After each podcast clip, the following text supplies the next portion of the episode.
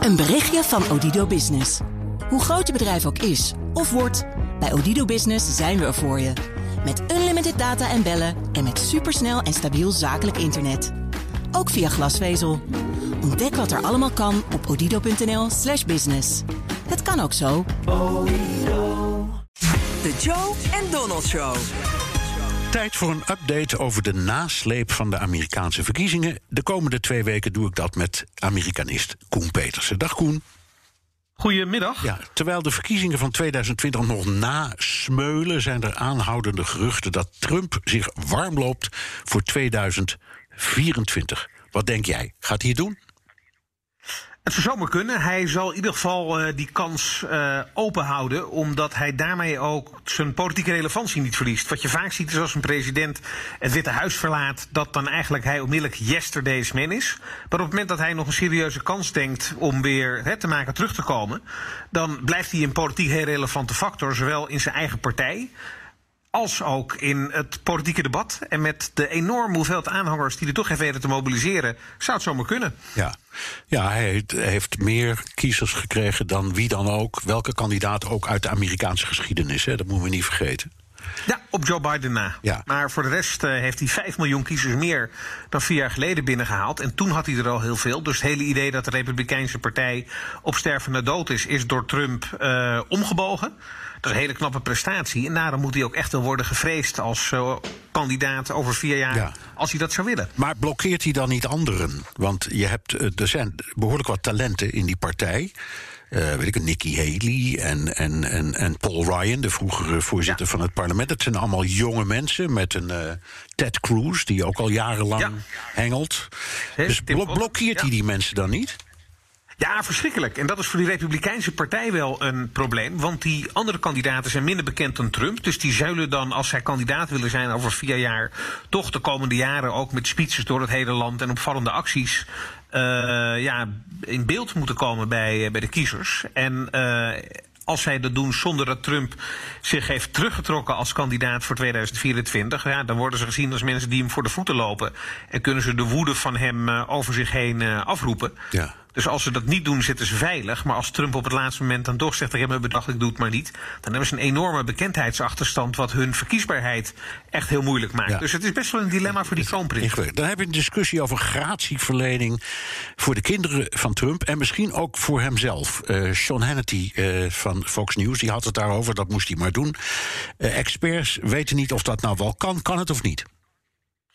Uh, dat is een A- en een B-antwoord. Zijn familie uh, gratie verlenen, dat uh, kan volgens. Bill Clinton heeft zijn halfbroer ook gratie verleend op een van de laatste dagen als president in het Witte Huis. En dat heeft gewoon stand gehouden, dus dat, dat kan. Maar zichzelf gratie verlenen, daar zijn de geleerden het niet over eens. Uh, en dan uh, ja, hangt het er vanaf wat er gebeurt als hij dat uh, zou doen. Het is natuurlijk wel een beetje ook bekennen dat je toch iets verkeerds hebt gedaan. Ja. als je zelf op voorhand al gratie verleent. Het zal zijn kansen om in 2024 terug te komen niet versterken. Nee. Want het is natuurlijk een hele slechte verkiezingsfolder die je voor jezelf hebt Precies, en dan heb je ook nog het vraagstuk dat het gaat alleen, je kunt alleen maar gratie verlenen over federale misdrijven. Maar niet over staats- of stadsmisdrijven. Er lopen processen in New York bijvoorbeeld. Daar kan hij niks aan doen, hè? Nee, klopt. Hij kan uit handen blijven van de federale aanklagers. Maar op het moment dat de stad of de staat New York zegt... met je bedrijf heb je belasting ontdoken, verkeerde deals uitgemaakt... een mevrouw heeft uh, gezegd dat je haar uh, on, onheus hebt bejegend... ja, daar beschermt, daar beschermt zijn eigen gratie uh, hem ook niet tegen in zo'n geval. Dus veel effect heeft het uiteindelijk niet... want de meeste cases die tegen hem lopen, juridisch gezien... zijn niet federaal, maar uit de stad en de staat New York. Ja. Biden gaat intussen door met het aanstellen van kabinetsposities. Is eigenlijk een kabinet aan het formeren. Uh, in de Senaat hebben de Democraten geen meerderheid. Op dit moment de vraag is hoe dat afloopt trouwens. Uh, met de verkiezingen in Georgia. Maar goed, uh, ja. kunnen de Republikeinen um, gaan dwarsbomen? Want al, dat zijn alleen maar voordrachten en nog geen benoemingen. Ja, op het moment dat uh, de president een, een kandidaat voor een ministerspost of een rechterspost of een diplomatenpost voordraagt, dan moet de Senaat dat goedkeuren met een absolute meerderheid. De Republikeinen hebben nu nog die meerderheid. En uh, mochten ze die ook houden, dat weten we begin januari, dan kunnen ze eigenlijk, als ze verenigd zijn, elke benoeming tegenhouden. Maar het is niet noodzakelijk zo dat alle Republikeinen altijd op dezelfde manier stemmen. Je hebt daar een hele andere fractiediscipline dan in Nederland we gewend zijn. Uh, en het kan heel goed zijn dat gematigde republikeinen toch wel van bepaalde kandidaten denken: nou ja, prima, Biden heeft zijn recht daarop. Ik denk dat Biden een groter probleem heeft met democraten in de Senaat. Die moeten luisteren naar die hele linkse Sanders-vleugel, waar Sanders en, en, en Elizabeth Warren bijvoorbeeld ook uh, boegbeeld van zijn. Ja. En de vraag is, als Biden met een gematigde kandidaat komt, of zijn eigen partij wel volledig daarachter ja, staat. Dat is ook kan zijn positie misschien wel veel zwakker maken. Ja, daar heb je ook gelijk in. Ja. Nou heeft hij, als je kijkt naar het lijstje, zijn het algemeen gematigde mensen met een goede naam en zo. Uh, bijvoorbeeld uh, uh, Janet Yellen, de, de, de, de Ja. oud-voorzitter. Want dat- dan denk je, ja, daar, daar, zal, daar zal die senator niet tegen zijn. Dat, dat zal wel goed komen. Nee, en het adagium is ook dat een president wel het recht heeft om zijn eigen kabinet eh, te kiezen. Dus daar wordt altijd wel met enige tegemoetkomendheid naar eh, gekeken. En Yellen was in 2014 ook kandidaat voor hè, de Federal Reserve, de centrale bank, om daar de, baas van te worden. En toen is ze met royale steun van republikeinen en democraten goedgekeurd. Dus heel veel bezwaar tegen haar persoon kun je redelijkerwijs niet, niet hebben.